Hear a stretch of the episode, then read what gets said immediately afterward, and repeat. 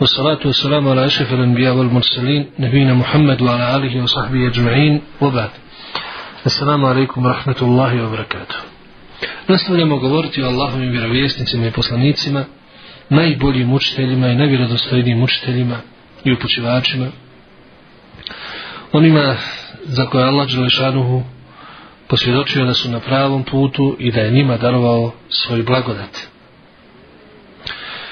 Učiti slušati o vjerovjesnicima i Allahovim poslanicima prije svega lijepo je za uho lijepo je za dušu lijepo je za srce ali je najvažnije za uputu jer oni su predvodnici pravog puta i prema tome za njima se trebamo povesti kao što je Allah Đelešanu i rekao u lajke hada Allahe behudahu muktedi to su oni koje je Allah uputio i ti se povedi za njihovom uputom u nizu u kojem govorimo o vjerovjesnicima stigli smo do jednog vjerovjesnika koji je bio nakon Musa Aleksela a pripadao je Benu Israilu bio je vladar i vjerovjesnik ujedno to je Davud Aleksela o njegovom početku i kako je on pojavio se u javnosti na koji način i kako se to dogodilo Allah Đelešanu je govorio u suri El Bekare naime u njegovo vrijeme bio je poslanik i mirovjesnik koji se zvao Samuel jer je također bio jedan od vjerovjesnika nakon Musa Aleksana O Samuelu i događajima koji su prethodili pojavi Davuda, ali sada njegovo vjerovjesništvu, Allah nam kaže Alam tara ila al-mele'i min bani Israil min ba'di Musa إذ قالوا لنبي لهم ابعث lana ملكا نقاتل fi سبيل الله قال هل in إن كتب al القتال alla tuqatilu. قالوا وما لنا ألا نقاتل في سبيل الله وقد أخرجنا من ديارنا وأبنائنا فلما كتب عليهم القتال تولوا إلا قليلا منهم ما الله عليم بالظالمين Da li si čuo za velikane i uglednike Beno Israila nakon Musa kada su rekli svome vjerovjesniku koji je bio tada Samuel Odredi nam nekoga za vladara da se borimo na Allahovom putu. A on im je rekao, ako vam bude borba propisana, možda se nećete boriti.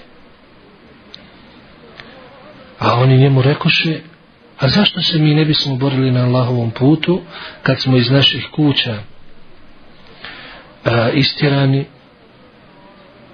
i naši potomci su ugnjete, ugnjeteni, ali kada im borba bi propisana, oni okrenuše se, ne prihvatiše osim malobrojnih. A Allah dobro zna svakog nasilnika. وقال لهم نبيهم إن الله قد بعث لكم تاروت ملكا الله نمي سادة ودي أكرتكو بيسني اشتايا وچمو سيرادلا بشتا ستراجلي نايمناكم موسى عليه السلام Beno Israil je prošao kroz razne faze. Prvo i Musa i Harun i svi oni koji su bili u, luta, u, toj, u pustinje u vrijeme lutanja umrli su prije nego što se obistinilo Allahovo obećanje da će doći do, do obećane zemlje e, zbog njihove neposlušnosti. Vjerovjesnik koji je došao nakon Musa a.s. Juša ibn Nun, njegov sluga koji je bio s njim kada su išli sa, sa uh, Hadiru, uh, on je poveo u Beno Israil tada u to vrijeme u tu odlučujuću bitku i kako je to došlo u Hadisu u kojoj je zabilježio inače ima Muslim ima Mahmed i drugi gdje stoji da je on otpočeo tu borbu za to obećano mjesto nakon ikindije namaze i sunce je trebalo zaći međutim Allah je tada po, svojom voljom pokazao mu džizu da je sunce stalo dok oni završi borbu i tek je tada tek su tada osvojili Bejtul Maktis. Nakon toga prošli su također kroz razne faze Svoje, svojim vjerovjesnicima bili su sve više i više neposlušni bogati i rasipnici imali su sve više i više utjecaja i onda im je Allah dao iskušenje određena. Između ostalog bili su protjerani iz svojih domova, djeca su im također ugljetavana na svakakve načine. I onda kad su vidjeli da više nemaju kud, tražili su od svog vjerovjesnika, rekli smo Samuela, kako stoji ovdje, kako većina mu fesira smatra, da im odredi nekoga za vladara. Međutim, kada je bilo propisano to što je Allah propisao, većina njih je to odbila, nije prihvatila, okrenula se od Allahove naredbe i ovdje kao vid prijetnje, prijetnje Allah Đelešanu im kaže da Allah dobro zna svakog nasilnika. Zatim, nakon ovog uvoda, gdje je uopćeno rečeno šta se, šta se događalo i kako se sve odigralo, Allah, nam, Allah Đelešanu nam ovu sada priču o ukazivanje podrobnije iznosi. وقال لهم نبيهم إن الله قد بعث لكم طالوت ملكا Njihov vjerovjesnik tada koji je bio s njima reče im Allah vam je odredio Taluta za kralja, za vladara. A njima to kao da nije bilo pravo, pa rekoše Kalo enna je kunu lahu mulku alejna, wa nahnu haqku bil mulki minhu, wa lam ju'te sa'te min al mal.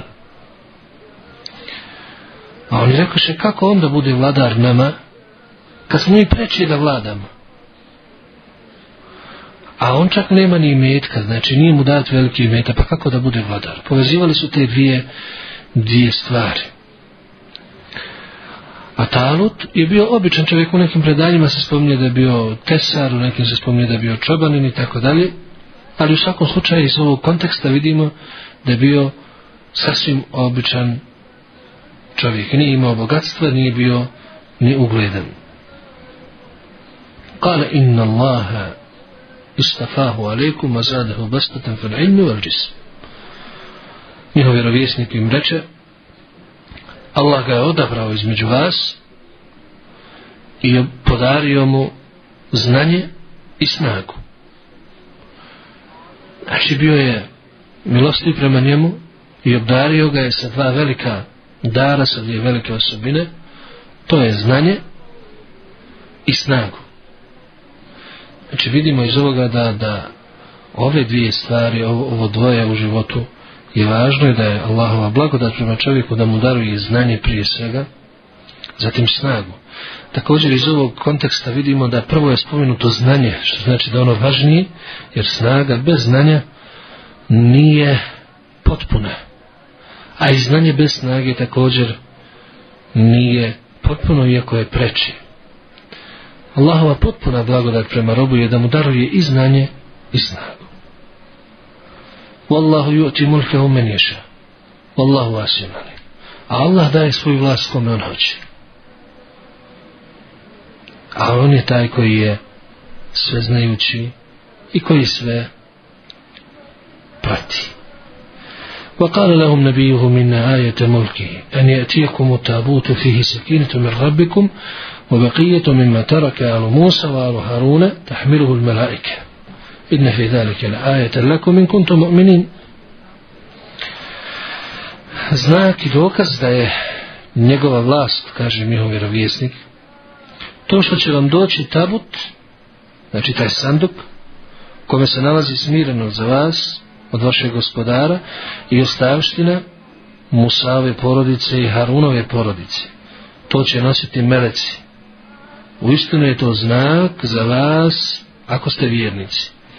Naime, oni su imali ostavštinu koju su ostavili Musa i Harun, koju su oni čuvali, koja je za njih bila svijeta, to je sanduk, u kome su spominje da je bio štap Musao, ploče, te vrata i tako dalje. Allah zna najbolje šta je bilo. Uglavnom, u tom sanduku bila je smirenost za njih i ostavština, znači, koju su ostavili Musa Musa, Musava porodica je Harunova porodica. Harun i Musa, znači. To će nositi meleci. Znači, prvo oni su to bili izgubili. Oduzete im je to u borbama.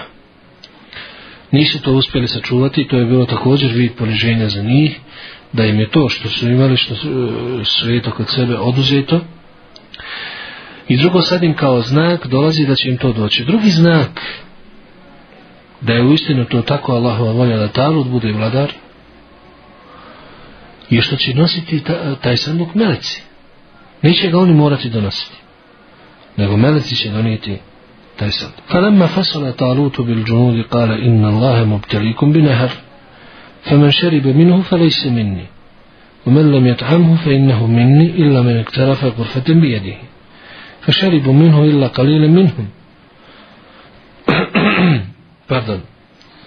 I kada je Talut krenuo sa vojskom, rekao je Allah će vas iskušati s vodom, s rijekom, pa ko se napije iz rijeke, ne, ne može sa mnom. Ako se ne napije, može sa mnom. Osim ako zagrabi onako u ruci, u šaci i većina njih se napi vode, a malo je bilo onih koji nisu. Falamma jawazahu huwa alladhina amanu ma'ahu qalu la taqata lana al-yawma bi Jalut wa Junut. I kad prijeđeš rijeku, on i oni koji su vjerovali s njim, rekoš mi, mi se danas ne, ne možemo boriti, nemamo snage da se borimo protiv Jaluta i njegovih vojskih. قال الذين يظنون أنهم ملاقوا الله كم من فئة قليلة غلبت فئة كثيرة بإذن الله والله مع الصابرين a oni koji su čvrsto vjerovali u susret sa Allahom rekli su mnogo je malih skupina koji su pobjedile velike skupine sa Allahovom dozvolom a Allah je s onima koji su strpljivi ولما برزوا لجالوت وجنوده قالوا ربنا أفرغ علينا صبرا وثبت أقدامنا وانصرنا على القوم الكافرين إكاد أن ميدان زاجش جالوت ونغو ويبويسي govorili gospodaru naš obasfi nas saburom učvrsti naše stope i pomozi nas protiv nevjerničkog naroda. فهزموهم بإذن الله وقتل داود جالوت i oni ih savladaše sa Allahovom dozvolom ta mala skupina veliku i Davud ubi Đaluta وآتاه الله الملك والحكمة وعلمه مما يشاء ولولا دفع الله الناس بعضهم ببعض لفسدت الأرض ولكن الله ذو فضل على العالمين i oni ih savladaše sa Allahovom dozvolom i davu dubi džaluta a Allah mu dade nakon toga vlast mudrost, to jest poslanstvo i podučio ga je onome čemu je htio a da Allah ljude ne suzbija jedne drugim na zemlji bi nastupio nered ali Allah je milostiv prema svim svjetovima tako Allah Đelšanu završava ovo kazivanje Vidjeli smo iz ovog kazivanja kako problemi dolaze sve manje i manje onih koji su izdržljivi. Prvo, kada dolazi naredba, početku svi traže, hoće naredbu i tako dalje. Kada dolazi naredba, oni se okreću. Onda oni koji kreću na prvom iskušenju, padaju. Kada dolaze oni koji pređu prvo iskušenje, nisu u stanju, kažu ne možemo. I tek onda kad dolazi pravi majdan, vidi se ko je u istinu čvrst i ko je u istinu iskristalisao svoje ime. I oni su ti koji su molili Allah Đušan. I Allah je dao da ta skupina pobjedi. To je ta poznata borba koju mi zovemo uh, Davida i Golijata, kako se to spominje u biblijskim izvorima. Dogodilo se da je ta mala skupina izašla pred tu ogromnu veliku vojsku. Davud je tada bio jedan od vojnika samo tu. Unutra ne spominje se da je bio vođa. I jednostavno je Allah mu dao mudrost još kao mladom, kao mladiću. I on je na takav način e, Džaluta ubio da je sva ostala vojska tada osjetila porazi i nisu imali volju da nastave borbu. Tako da je pobjeda pripala vjernicima tom tim postupkom Davuda. Zatim nam Allah šanu ovdje o Davudu govori da mu je dao vlast, znači postao je vladar i dao mu je mudrost, znači poslanstvo i podučio ga je onome čemu je htio. Znači, ovdje dolaze početci Davuda, ali selam, i Davud a.s. postaje veliki vladar, veliki vojskovođa i veliki vjerovjesnik i poslanik. Zatim na kraju ovog kazivanja Allah Đelšanuhu napominje i daje nam jedan veoma važan znak, uputu, činjenicu, a to je da Allah ne suzbija ljude jedne drugim, na zemlji bi nered nastupio. I to je uistinu tako, jer obično ljudi ne paze na granice koje Allah Lešanu postavio, ne paze e, na ono što Allah Lešanu htio na zemlji i onda se dogodi upravo da Allah Lešanu odredi da jedne drugima jedne drugima iskuša i jedne drugima dovodi u red. Tako je Davud Alisa nam počeo svoj put i svoj vjerovjesnički život. Tako je Davud a.s. postao vjerovjesnik i veliki vladar. O njemu nam Allah Žešanu kaže وَلَكَدْ أَتَيْنَا دَاوُدَ مِنَّا فَضْلًا يَا جِبَالُ أَوِّ بِمَا هُوَ الطَّيْرَ وَأَرَنَّا لَهُ الْحَدِيدَ أَنْ يَعْمَلْ سَابِغَاتٍ وَقَدِّرْ فِي السَّرْ وَأَعْمَلُوا صَالِحًا إِنِّي بِمَا تَعْمَلُونَ بَصِيرٌ I mi smo Davudu veliku blagodat darovali. O brda, ponavljajte za njim zikr, a i ptice isto tako bile su uz njega dok je zikrio. A Šerizu smo mu učinili, učinili mehkim. Kao kažu učinjenci, jednostavno Allah mu je dao takvu, takvu, takvu, takvu moć tu, tu blagodat da je jednostavno rukava mogao da ga, da ga upravlja i da ga oblikuje. Radi velike štitove, pravi velike štitove i određuj koliko ćeš raditi na tom željezu i radite dobra djela. Ja uistinu vidim šta vi radite, kaže vaša Znači, spominje se da je Davud, ali se nam prvi taj koji je pravio te oklope i štitove upravo od željeza. I Allah Đelešanu ga podučio kako će to raditi i olakšao mu to što mu je željezo učinio mehkim da ga može oblikovati rukama kako hoće. U drugom metu Allah kaže وَسَحَرَّ مَا دَعُودَ الْجِبَالَ يُسَبِّحْنَ وَالطَّيْرَ وَكُنَّ فَعِلِينَ وَعَلَّمْنَاهُ صَنْعَةَ لَبُوسٍ لَكُمْ لتحصنكم من بأسكم فهل أنتم شاكرون i mi smo Davudu potčinili brda da s njim zikr učine, uče, a i ptice smo potčinili. Eme, dok bi Davud ali se nam učio, ptice bi bile, stale bi i slušale njegovo učenje. I nauč, podučili smo ga kako da pravi štitove za vas, da vas štiti prilikom borbi, Pa zar nećete biti zahvalni? Kaže Allah Đelešanu.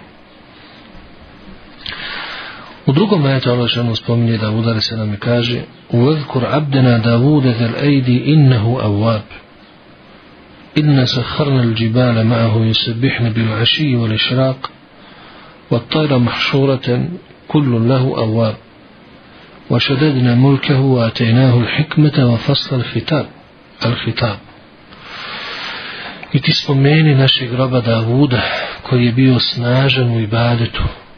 Imao jako volju za ibadetom i snagu da radi ibadet. On je uistinu bio od onih koji se mnogo kajao. Mi smo počinili brda zajedno s njim da slave Allaha jutrom i večerom. I ptice su sakupljale se oko njega, svi se za njim ponavljali.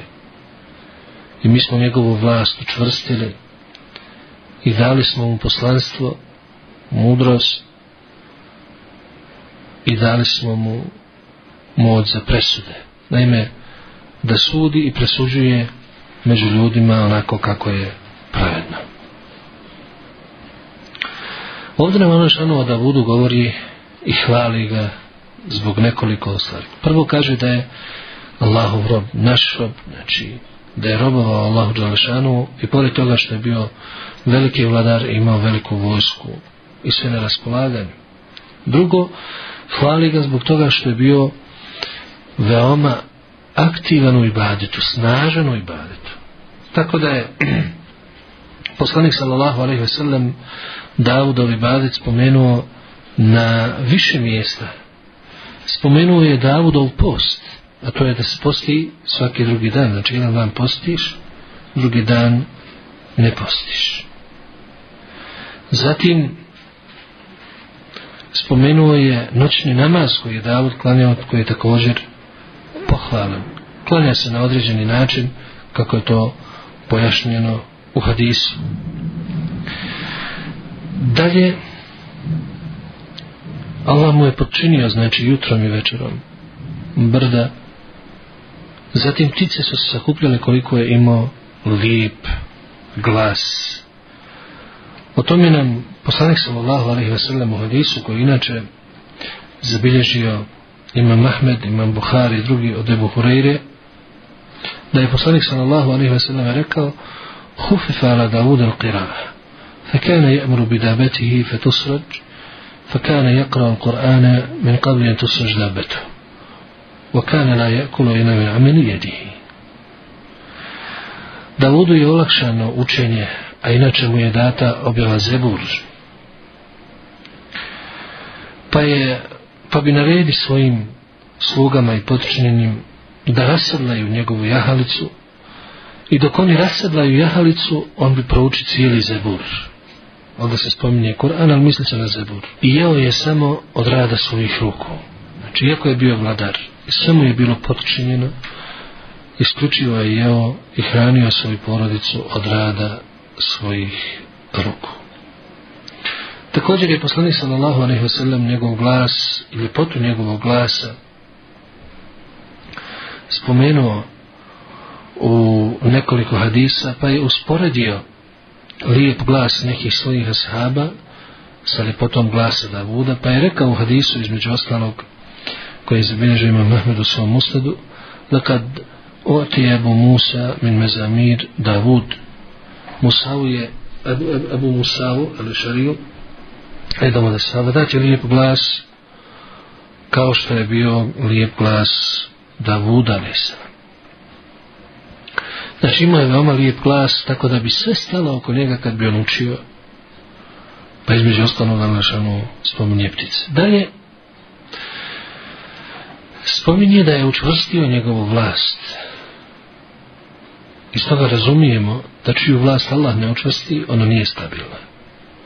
Samo ono što Allah učvrsti je čvrsto, a sve ostalo je hlabavo i klimavo. Dalje hvali ga da, da je mudar, da mu je dato poslanstvo i mudrost i hvali ga da mu je dato da pravedno presuđuje. Da kad presudi, uistinu presudi pravedan. Znači bio je vladar i sudac među ljudima. Tako Allah Đelšanu hvali ga u ovom, ovim ajetima. A u drugom ajetu Allah Đelšanu nam govori o jednom konkretnom događaju koji se dogodio u suri Sad.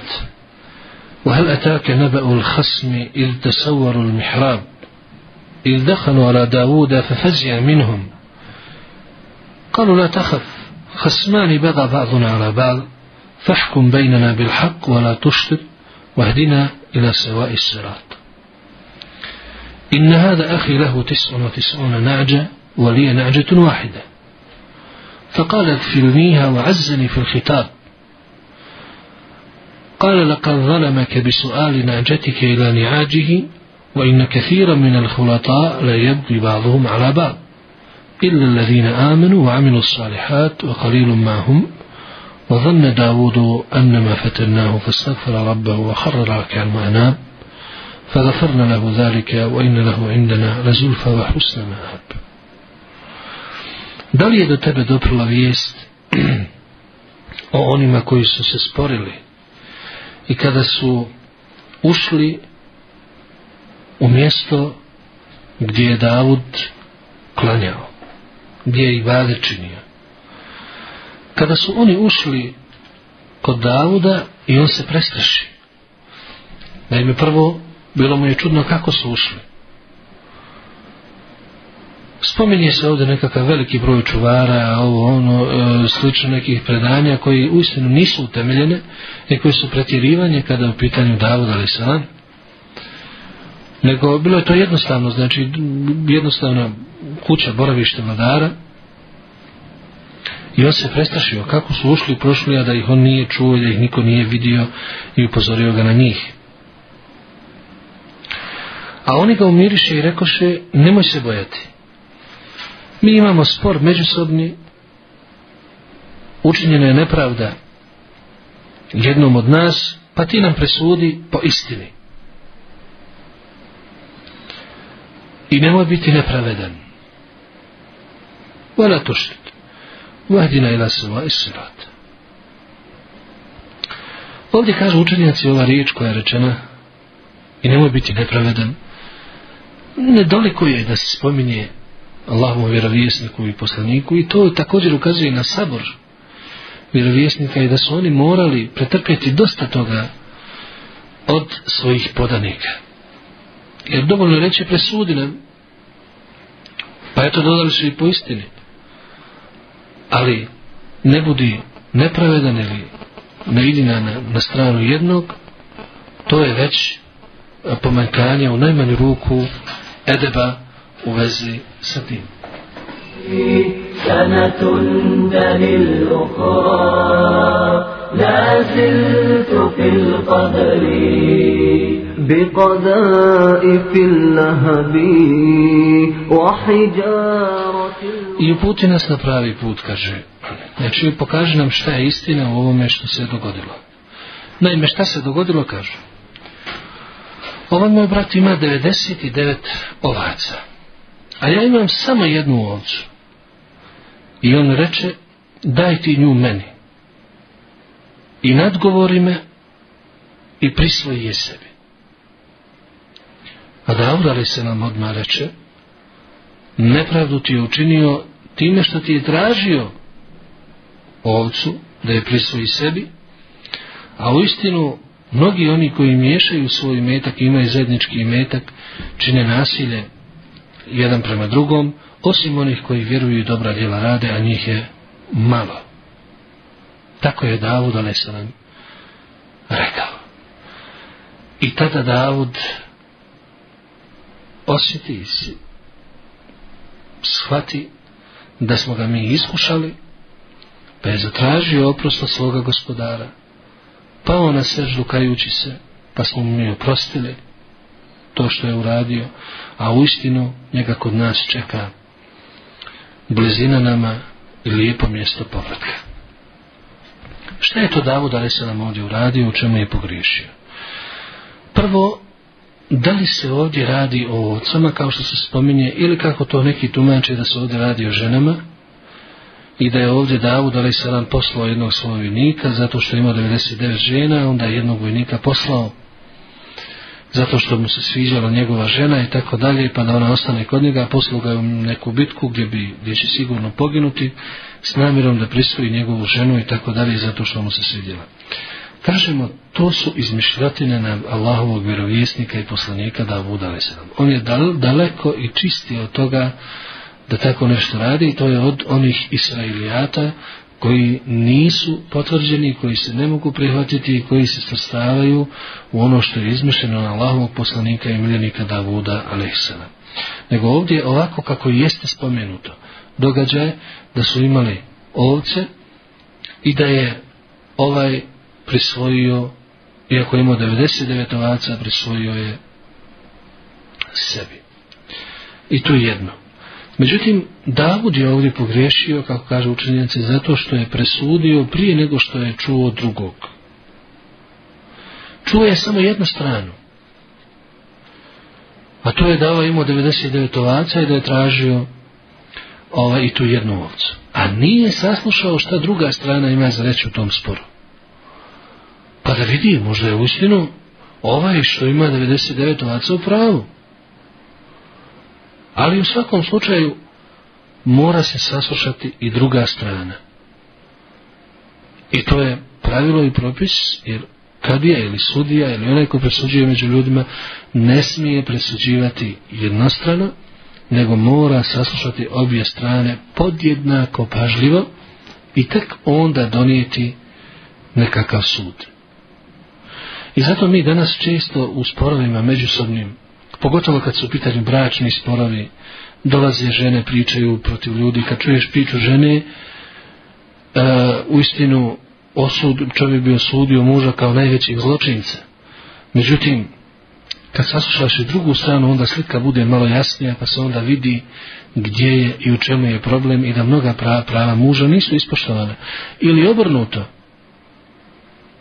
gdje ljudi prikazuju žene kao e, da nisu u redu, da ne poštuju njihova prava, a onda se ispostavi, kad čuje se i druga strana priče, da nije to tako, nego da žene su te koje trpe, a da oni su ti koji ne poštuju prava. U svakom slučaju, brzoplato donositi sudove,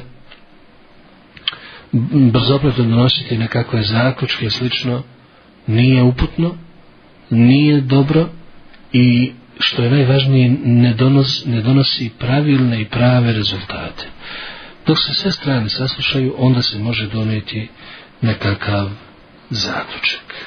Allah Đelešanu u Davudu nakon tog događaja i nakon svega toga rekao je ja Davud inna dja'alnake halifeten fil ard fahkum bejne nasi bil haqi wala tattabi il hava fe yudillake an sabi lillahi إن الذين يذلون عن سبيل الله لهم عذاب شديد بما نسوا يوم الحساب أو داود Mi smo te postavili namjesnikom na zemlji, zato pravedno sudi među ljudima i ne slijedi svoje strasti.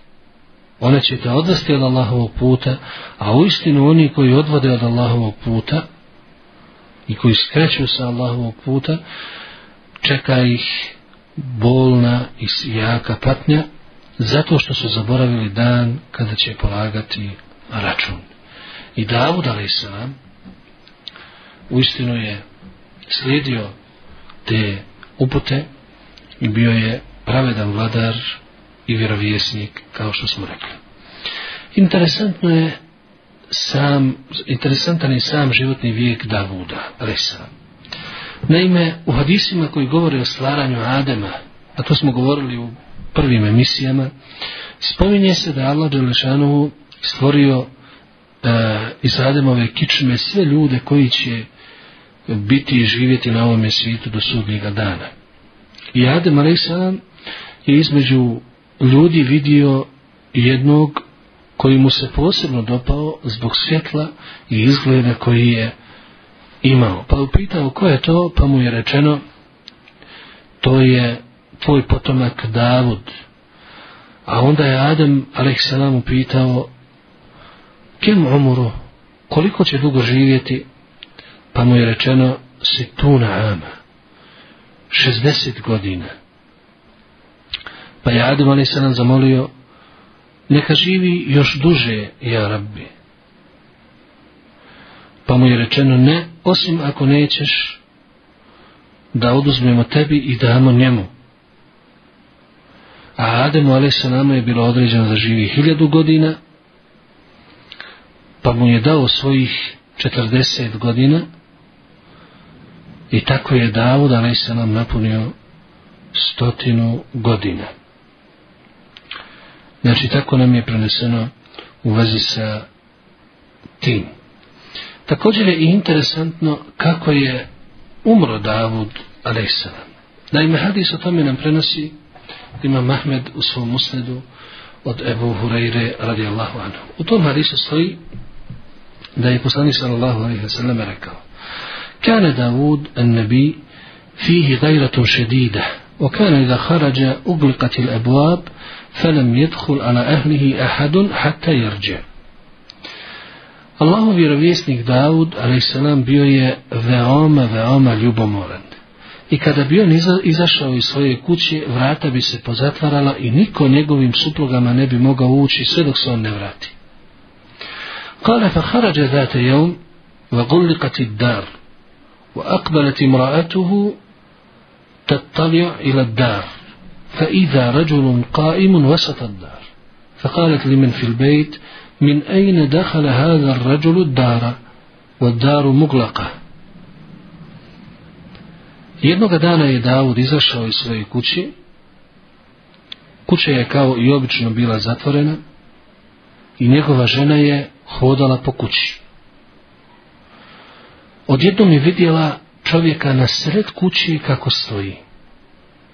Pa je upitala ukućane, koji je ovog čovjeka pustio, kako je ovaj čovjek ušao u kuću, ako je kuća zatvorena.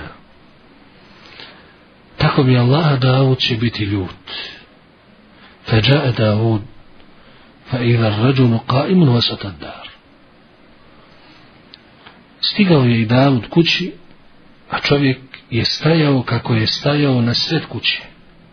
Fa kala lehu Davud, men ente? Davud mu reče, ko si ti? قال أنا الذي لا أهاب الملوك ولا يمتنع مني شيء Reče, ja sam onaj koji se ne boji vladara i kome se niko ne može oduprijeti.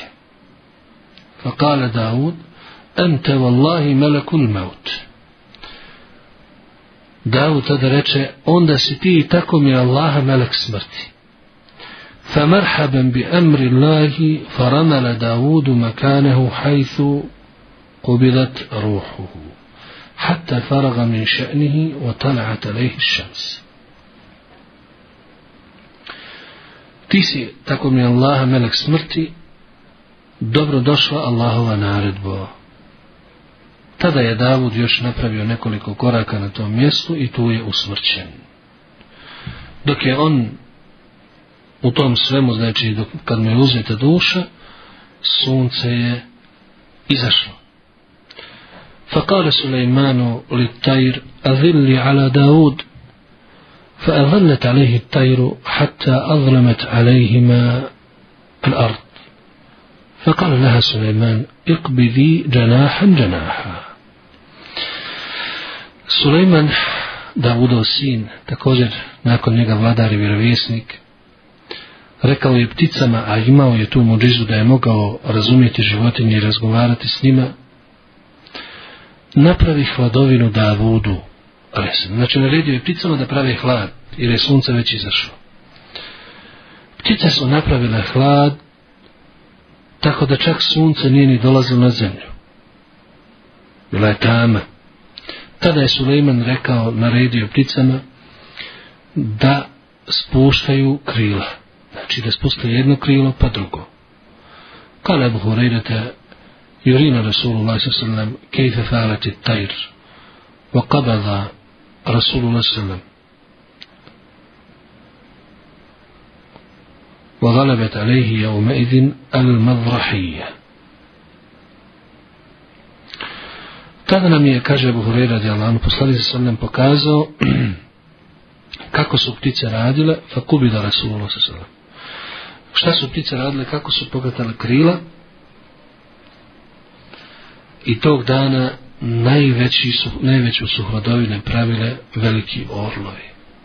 Tako kaže ovaj hadis, koji inače se bilježi ima Mahmed u svom usledu. E, također ga je spomenuo Al-Haytham u Međma Zavajdu i rekao da je dobar i da je hadis vjerodoslovnog lanca prenosilaca. Tako je Dauda ali se nam skončao svoj život zdrav i u najboljoj snazi i godinama, a nekako se prenosi u nekim izvorima da je dočekao duboku starost, da je bio dugo bolestan i da su mu čak morali donositi mlade djevojke da se ugrije i tako dalje kao što oni koji se ne boje Allaha izmišljaju na Allahove poslanike i vjerovjesnike. Ovaj hadis kao da upravo pokušava otkriti tu istinu i otkriva tu istinu kako je umro Allahov poslanik odnosno vjerovjesnik Davud ali se nam umro je potpuno zdrav u punoj snazi izašao je kao i obično van kuće da obavlja svoje redovne poslove kad se je vratio zatekao je meleka smrti u obliku čovjeka kako ga čeka na svet kuće i usmrtio ga je u tim trenucima a ne kako se spominje u tim iskrivljenim izvorima molimo Allah da nas učinje od onih koji slušaju ono što je najljepše i rade ono što je najbolje. Kolu kvala hada, astagfirullahu, sallallahu ala nabina Muhammedu.